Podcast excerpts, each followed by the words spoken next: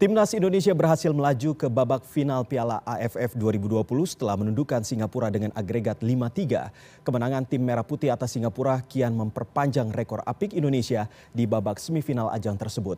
Sepanjang 12 kali penyelenggaraan Piala AFF, Indonesia berhasil 9 kali lolos ke babak semifinal dan 6 kali maju ke final. Tapi belum pernah sekalipun mendapatkan juara. Lalu bagaimana peluang Indonesia di final nanti dan apa yang harus dilakukan Sintayong agar bisa membawa Indonesia mengangkat trofi juara? Malam ini saya akan berbincang dengan Ketua Umum PSSI Muhammad Iriawan dan pengamat sepak bola nasional Muhammad Kusnaini. Halo selamat malam Bang Iwan dan juga Bungkus. Selamat malam. Selamat malam. Assalamualaikum.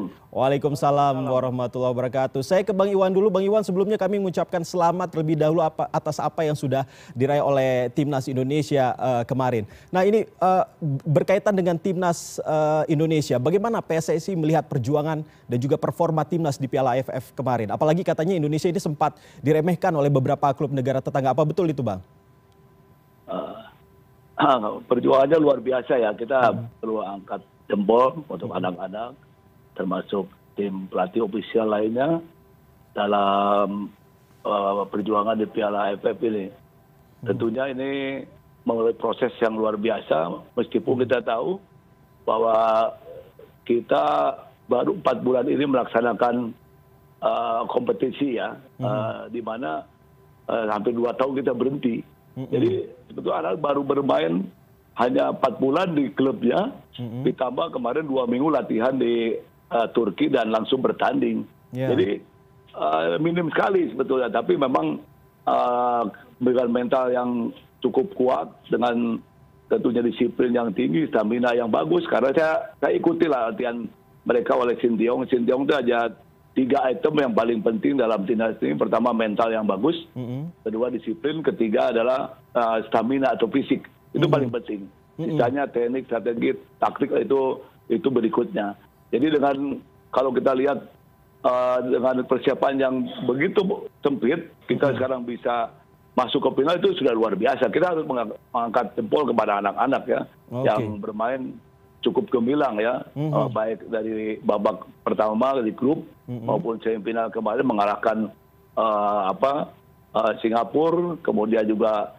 mengalahkan malaysia yang dianggap kita tim yang ah tidak mungkin lah masuk semifinal. Tapi kita bisa mengalahkan malaysia 4-1 dengan skor yang cukup tinggi. Dan kemarin pun dengan luar biasa anak-anak dengan semangat yang tinggi motivasi yang kuat kemudian dengan mental yang baja bisa mengalahkan singapura 4-2 meskipun dengan luar biasa tegangnya hampir copot jantung saya mas uh, waktu Iya semua semua Singapura. Betul. Kira -kira ya. Semua penonton juga merasakan hal yang sama ini, Bang. Tapi ini berbicara soal uh, apa yang sudah didapatkan oleh Indonesia. Saya kebungkus ini. Ada 11 pemain versus 9 pemain nih, Bang. Uh, apakah kemenangan Indonesia versus Singapura ini benar-benar sepenuhnya karena kemampuan atau skill pemain saja atau ada ada faktor lain ini, Bungkus?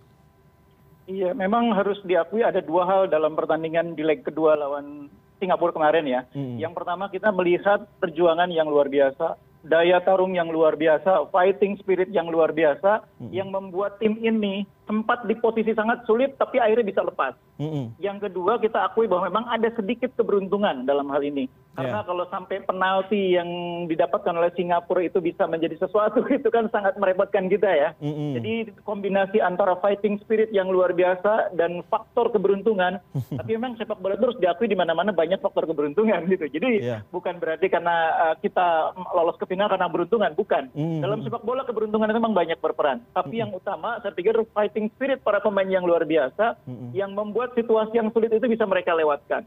Oke. Okay. Nah, kalau itu, itu kalau dari sisi pertandingan semifinal kemarin ya, mm. kalau keseluruhannya saya melihat bahwa kunci keberhasilan kita mencapai final adalah keberhasilan Sintayong mm-hmm. mengenali sepak bola Indonesia nih, mengenali sepak bola Indonesia, karakter permainan Indonesia seperti apa, berhasil dia maksimalkan dalam bentuk permainan yang tepat untuk para pemain kita. Okay. Pemain kita mungkin uh, skillnya bagus secara individu, tapi kerjasamanya agak kurang. Karena itu Sintayong memaksimalkan skill mereka yang bagus itu ditambah dengan kecepatan yang mereka miliki, jadi sebuah kombinasi permainan yang untuk banyak tim sangat merepotkan.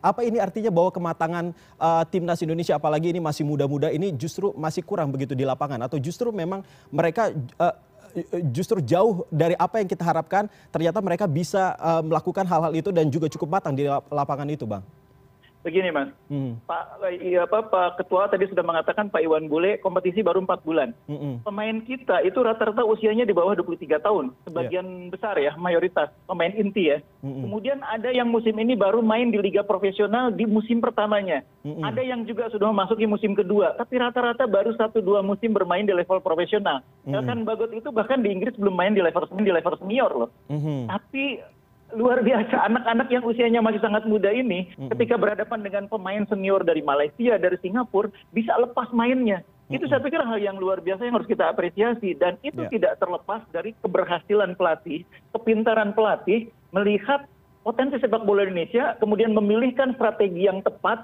memilihkan cara latihan yang tepat sehingga akhirnya akhirnya berhasil membentuk tim yang mampu memaksimalkan potensi mereka. Kekurangannya bisa mereka atasi kelebihannya bisa ditonjolkan. Oke, lagi-lagi apresiasi itu cukup penting. Nah, ke Bang Iwan lagi, Bang Iwan, ini uh, tentunya masyarakat ini sangat berharap bagi uh, timnas Indonesia untuk mendapatkan gelar juara. Nah, jika target menjadi juara ini tidak tercapai, apa respon PSSI dan bagaimana mempertahankan mental timnas ini? Karena tentunya banyak sekali suara-suara sumbang begitu ya nantinya bisa saja uh, mereka harus hadapi begitu, Bang. Oh, ya tentunya dalam final nanti hanya aja dua menang atau kalah kan mm -hmm, yeah.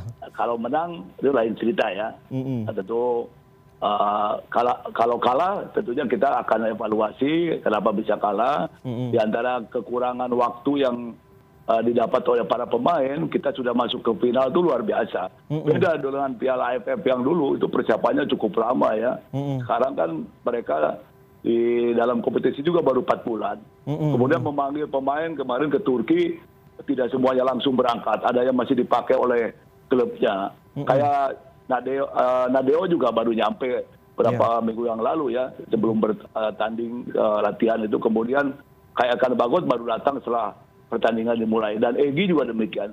Itu pun sudah luar biasa kita bisa masuk di final ya. Memang pada saat berangkat kami kumpulkan mereka bahwa semua target tuh inginnya juara ya ingin yeah. juara. Tapi mm. alhamdulillah sekarang kita bisa masuk di final tinggal nunggu nanti lawan Vietnam atau Thailand siap kita hmm. tidak pernah takut dan saya sampaikan ke mereka kalian harus punya mental juara mm-hmm. dan jangan pernah takut melawan siapa pun pun juga. Kenapa saya bicara begitu? Yeah. Karena saya pernah tanya ke Evan Dimas, apa sih yang terjadi di timnas kita? Mm-hmm. Kok selalu memang kata Evan Dimas uh, begitu akan melawan tim-tim tertentu dia sudah rasa takut timbul. Saya bangkitkan itu. Mm-hmm. Saya kasih semangat, kasih support mental. Mm-hmm. Semua sama, mereka manusia, pemain bola juga. Kalian ada negara besar. Yeah. Nah mental itu sudah terbangun sekarang ya.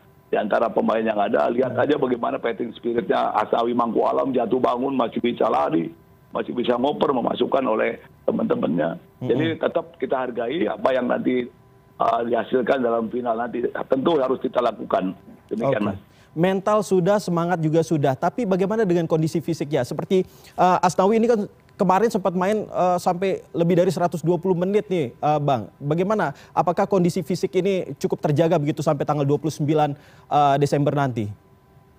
Yang saya sampaikan tadi itu, mm -hmm. uh, Sinteyong hanya melatih tiga item yang mental, disiplin fisik. Itu sudah lama fisik dilatih. Mm -hmm. Kita lihat kemarin mm -hmm. 120 menit yeah. juga masih bisa dia. Mm -hmm. Ya masih bisa melakukan apa namanya pertandingan dengan baik. Mm -hmm. Hanya memang kemarin polanya uh, tidak berkembang waktu uh, menjelang uh, pertambahan waktu ya mm-hmm. itu sehingga kita hampir saja kemasukan dalam penalti tapi diselamatkan oleh Nadeo mm-hmm. ya boleh dikatakan lakinya ada tapi Nadeo juga cukup bagus antisipasinya mm-hmm. ya. Uh, jadi fisik sampai sekarang saya tanya tadi kepada Ida Sapri sehari mungkin saya akan makan obat tuh berapa kali diskusi Ida Sapri mereka okay. dalam keadaan prima saya minta dievaluasi kemarin permainan terakhir lawan Singapura kenapa ya, mereka 9 kita 11 kok sulit sekali memasukkan alhamdulillah. Uh, akhirnya pada perpanjangan kita bisa masukkan dua gol. Saya hmm. yakin begitu perpanjangan kita akan menang karena selain memang jumlah pemain kita lebih besar dan pasti Sinteyong akan memberikan instruksi tambahan pada saat istirahat uh, pada perpanjangan satu dan maupun kedua ya. Okay. Jadi mereka oke okay semua, siap bertandingnya. Oke, Bang Iwan. Tentunya kita juga sambil menunggu ini sama-sama bagaimana pertandingan semifinal antara Vietnam dan juga Thailand yang berlangsung uh, hari ini dan jam ini. Dan kita juga ingin tahu bagaimana peluang Indonesia nantinya di final. Tapi ada jangan ke mana-mana karena kita akan jeda terlebih dahulu. Nanti kita akan lanjutkan diskusi kita pada malam hari ini. Untuk itu jangan ke mana-mana, tetaplah bersama kami di CNN Indonesia Newscast.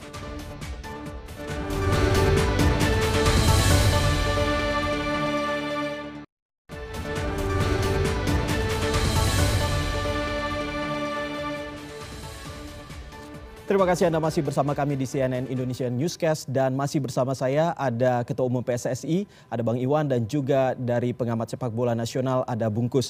Dan seperti yang tadi sempat saya tis sedikit terkait dengan uh, peluang Indonesia berhadapan dengan Thailand ataupun Vietnam. Saat ini saya juga sambil melihat dan juga menonton ini pertandingan antara Vietnam dan juga Thailand ini ternyata masih 0-0 sudah di menit ke 65, 66 bahkan.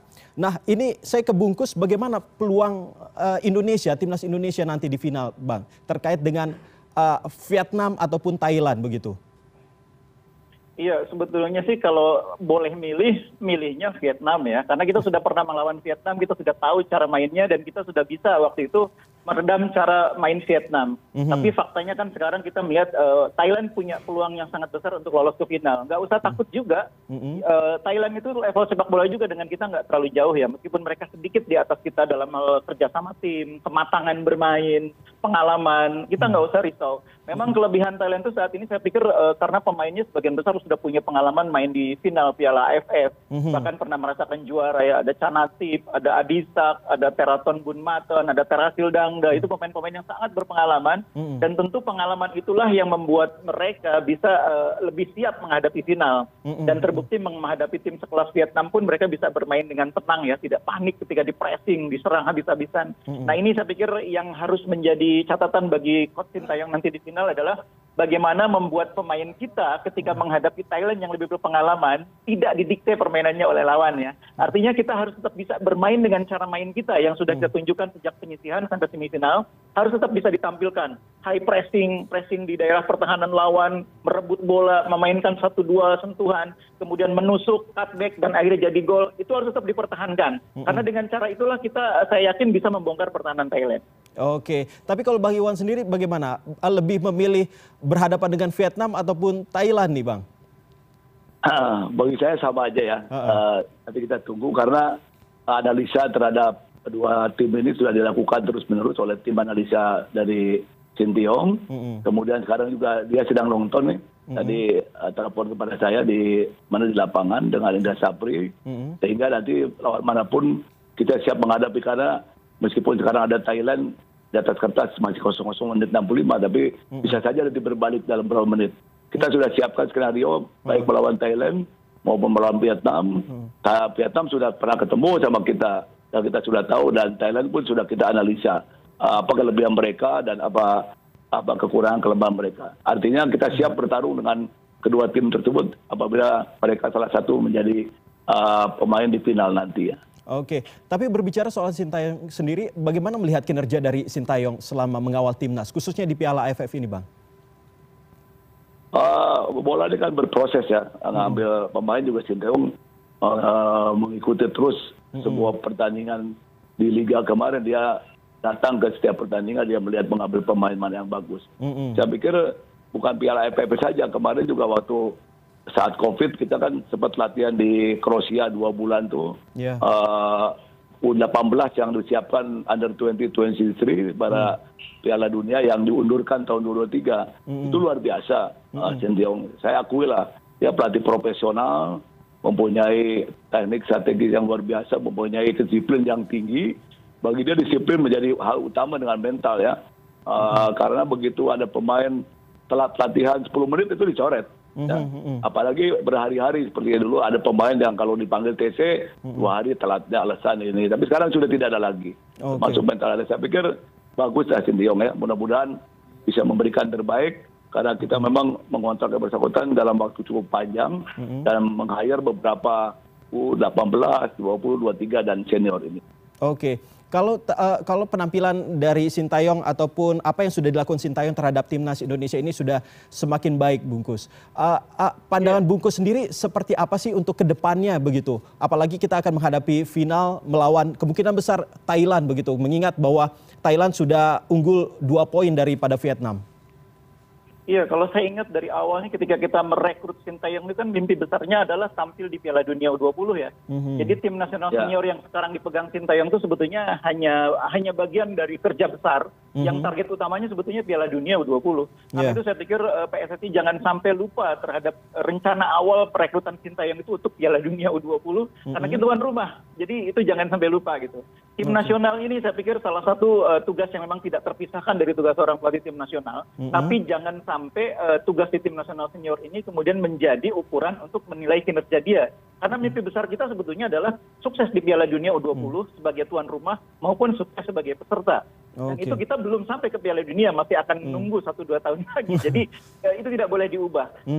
Apa pun yang kita capai di Piala AFF uh, hendaknya menjadi semacam evaluasi hmm. bagaimana kinerja Sintayong, tapi tidak sampai membuat keputusan untuk uh, melepas dia begitu saja, hmm. karena kita masih punya mimpi yang saya, yang saya bilang tadi, mimpi besar untuk tampil sukses di Piala Dunia U20 okay. dan Sintayong menurut saya orang yang tepat untuk itu, hmm. pengalamannya, kinerjanya, cara cara dia memimpin tim, cara dia melatih pemain itu menurut saya hmm. sangat ideal hmm. untuk membangun tim yang kuat di Piala Dunia U20 nanti. Oke, nah berbicara soal impian untuk menuju Piala Dunia ke Bang Iwan, uh, Sintayong ini banyak memilih pemain muda di timnas. Bagaimana anda melihat ini? Uh, kita kembali ke roadmap kita, betul. Uh, katakan uh, sahabat saya bahwa target itu Sintiong mempersiapkan U20 itu pasti. Mm-hmm. Nah, mungkin dilupakan karena itu target dia dari awal. Yeah. Nah, alhamdulillah mundur Piala Dunianya mm-hmm. tahun 2021 2020 berarti masih panjang mm-hmm. dan berubah komposisinya. Kalau 2021 berarti pemainnya yang 18 mhm. disiapkan kemarin. Tapi sekarang berubah lagi sekarang sudah siap juga pemain-pemain yang umur 18 itu persiapan 2023 berarti pas 20 tahun atau mungkin ada di bawahnya. Okay. Itu sudah disiapkan bahkan sekarang lebih bagus daripada pemain yang disiapkan untuk 2021 18 U18 ini. Kita hmm. sudah punya list nama-namanya. Kemarin mereka latihan di Turki luar biasa. Hmm. Yang dulu saja sudah bagus, sekarang lebih bagus lagi menurut Sintiong kepada kami. Jadi hmm. pasti itu roadmap sudah ada. Ini bagian kecil saja ini senior dari Sintiong. Kan saya inginkan memperbaiki peringkat. Peringkat kita yang saja 175, sekarang hmm. udah turun ke 165, sekarang 164. Itu obsesi saya minimal ke 150 atau terus ke bawah mendekati apa tim-tim ASEAN lainnya seperti Thailand, kemudian Vietnam kalau bisa Vietnam kan 98 masih cukup jauh tapi minimal kita memperbaiki peringkat. Itu salah satu uh, apa bagian kecil dari Sintiong untuk uh, membuat timnas kita di Indonesia ini lebih maju ya. Baik, tentunya kita sama-sama berharap agar uh, peringkat ini juga semakin uh, tinggi lagi sehingga kita bisa uh, apa ya, bisa menjadi uh, kebanggaan tersendiri bagi Indonesia. Nah ini saya kebungkus, karakter pemain Indonesia ini sebenarnya seperti apa? Apakah pemain-pemain muda ini jadi tolok ukur kesuksesan timnas di ajang internasional? Iya, Indonesia itu kan sebetulnya memiliki ciri khas dalam cara bermain ya. Pemain hmm. kita tuh skillnya bagus, punya kecepatan, hmm. tapi memang dalam hal kerja sama tim agak kurang. Hmm. Itu itu sebagian besar karena kurangnya jam bertanding atau pengalaman bertanding di usia muda ya. Hmm. Nah sekarang ini kompetisi kita di usia muda juga cukup bagus. Hmm. Saya pikir Pak Iwan Bulan juga cukup sukses menghidupkan kompetisi usia muda. Hmm. Banyak sekali kompetisi usia muda sehingga sekarang pemain kita di level usia muda pun kemampuan bekerja sama timnya sangat bagus. Walaupun mungkin untuk level Asia masih sedikit di bawah Korea, di bawah Jepang ya. Hmm. Nah Sintayong punya modal pemain-pemain yang karakternya itu cocok dengan cara main dia. Hmm. Cepat, berani, ngeyel, ngotot, dan punya skill individu bagus. Nah hmm. ini cocok sekali cara main seperti ini dengan pelatih seperti Sinteyong yang mengutamakan cara main seperti itu. Okay. Jadi saya pikir uh, Sinteyong ini orang yang tepat pada saat ini untuk membawa sepak bola Indonesia ke level yang lebih tinggi ya. Hmm. Uh, mungkin tidak hanya Sinteyong, Luis Milla juga pelatih bagus ya. Cuma kalau dilihat dari karakter permainan, saat ini Sinteyong menurut saya pilihan yang paling pas. Hmm, nah, tapi terkait dengan apa yang sudah dimiliki oleh timnas Indonesia, hmm. uh, terutama untuk uh, para pemain-pemain muda ini, tentunya uh, ada ada celah yang mungkin bisa menjadi pelajaran untuk uh, ke final nanti. Apa apa itu? Ada informasi bahwa Indonesia ini timnas Indonesia ada kekurangan terkait dengan uh, pengambilan bola-bola tinggi begitu. Bagaimana menurut uh, Bungkus? Iya, kalau soal teknisnya, saya pikir kita memang harus akui ada dua hal yang terkait dengan penampilan timnas kita. Yang pertama, menghadapi situasi bola mati.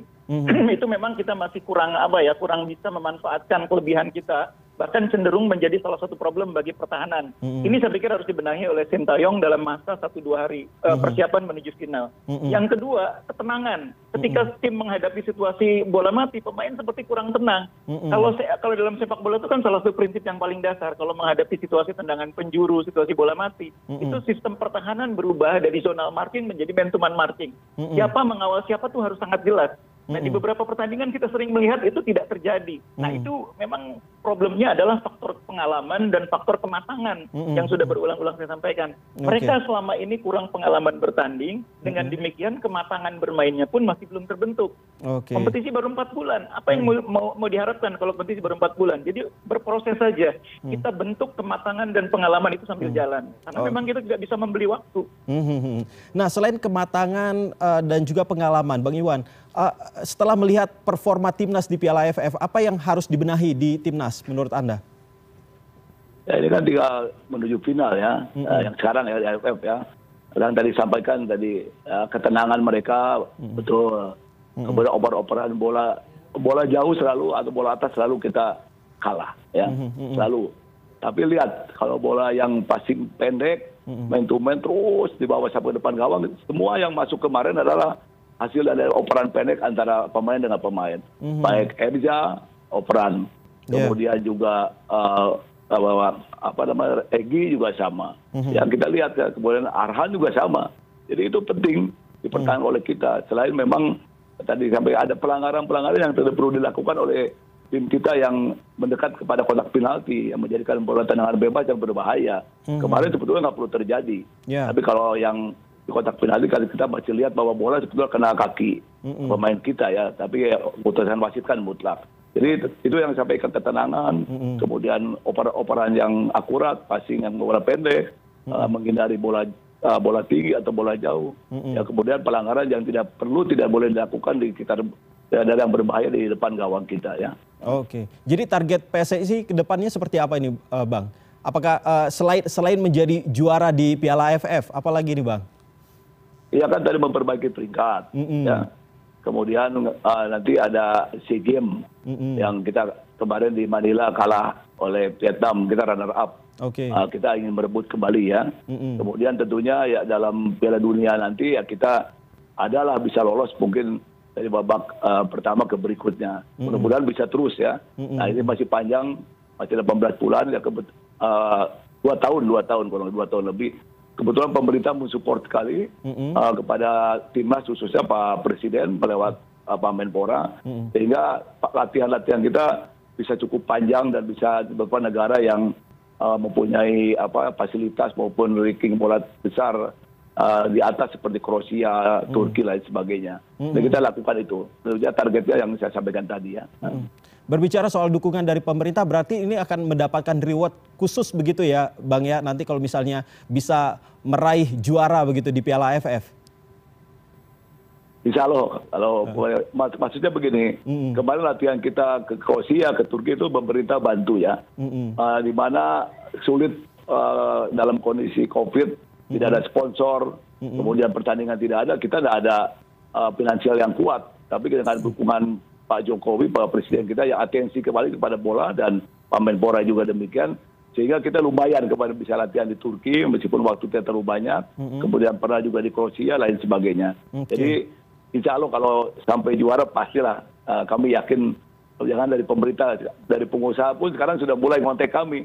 Bang, mm -hmm. nanti kalau juara saya mau kasih bonus silahkan. Alhamdulillah mudah-mudahan masih banyak pengusaha lain yang akan memberikan bonus kepada Amin. kita kalau juara nanti ya. Amin, amin. Terakhir ke Bungkus, saya uh, terkait dengan apa yang akan uh, terjadi nanti tanggal 29 dan juga tanggal 1 kalau saya tidak salah. Nah ini uh, kira-kira uh, Bungkus bagaimana Indonesia? Apakah bisa menjadi juara? Iya, kalau saya cuma berharap satu mm -hmm. hal, pemain mm -hmm. kita bisa bermain lepas ya, mm -hmm. bermain seperti cara yang mereka tunjukkan sejak penyisian sampai semifinal. Mm -hmm. Tidak ada beban bahwa ini sudah sampai di final, bahwa mereka diharuskan diharapkan oleh masyarakat untuk juara. Mm -hmm. Karena itu akan membuat pemain kita justru tidak bermain maksimal. Main okay. lepas, mm -hmm. main apa adanya sebagaimana yang mereka tunjukkan sejak penyisian sampai semifinal. Mm -hmm. Itu saja mereka tunjukkan, saya yakin hasil akan mengikuti. Oke, uh, untuk Bang Iwan sendiri apa harapan untuk para penonton di tanah air terkait dengan penampilan timnas nanti di final? Ya, ini yang saya sampaikan. Jadi pertama terima kasih dukungan uh, publik penonton rakyat Indonesia kepada timnas kita luar biasa ya. Mm-hmm. Apalagi kemarin waktu menang lawan Singapura, mm-hmm. dukungan mohon doanya ya seperti semua publik dan rakyat Indonesia mendoakan timnas kemarin mohon doanya agar mereka bisa tampil sebagai juara di Piala AFF nanti karena doa yang betul-betul secara keseluruhan insya Allah akan membantu secara moral mereka untuk bisa juara di Piala AFF. Amin, amin. Semoga apa yang kita harapkan semua bisa terbukti dan juga bisa uh, membanggakan Indonesia. Walaupun begitu, mereka adalah pahlawan-pahlawan olahraga Indonesia. Terima kasih uh, Bungkus dan juga terima kasih Bang Iwan sudah berbagi informasi dengan kami malam ini. Salam sehat. Dan Anda jangan ke mana-mana karena CNN Indonesia Newscast akan segera kembali. Tetaplah bersama kami.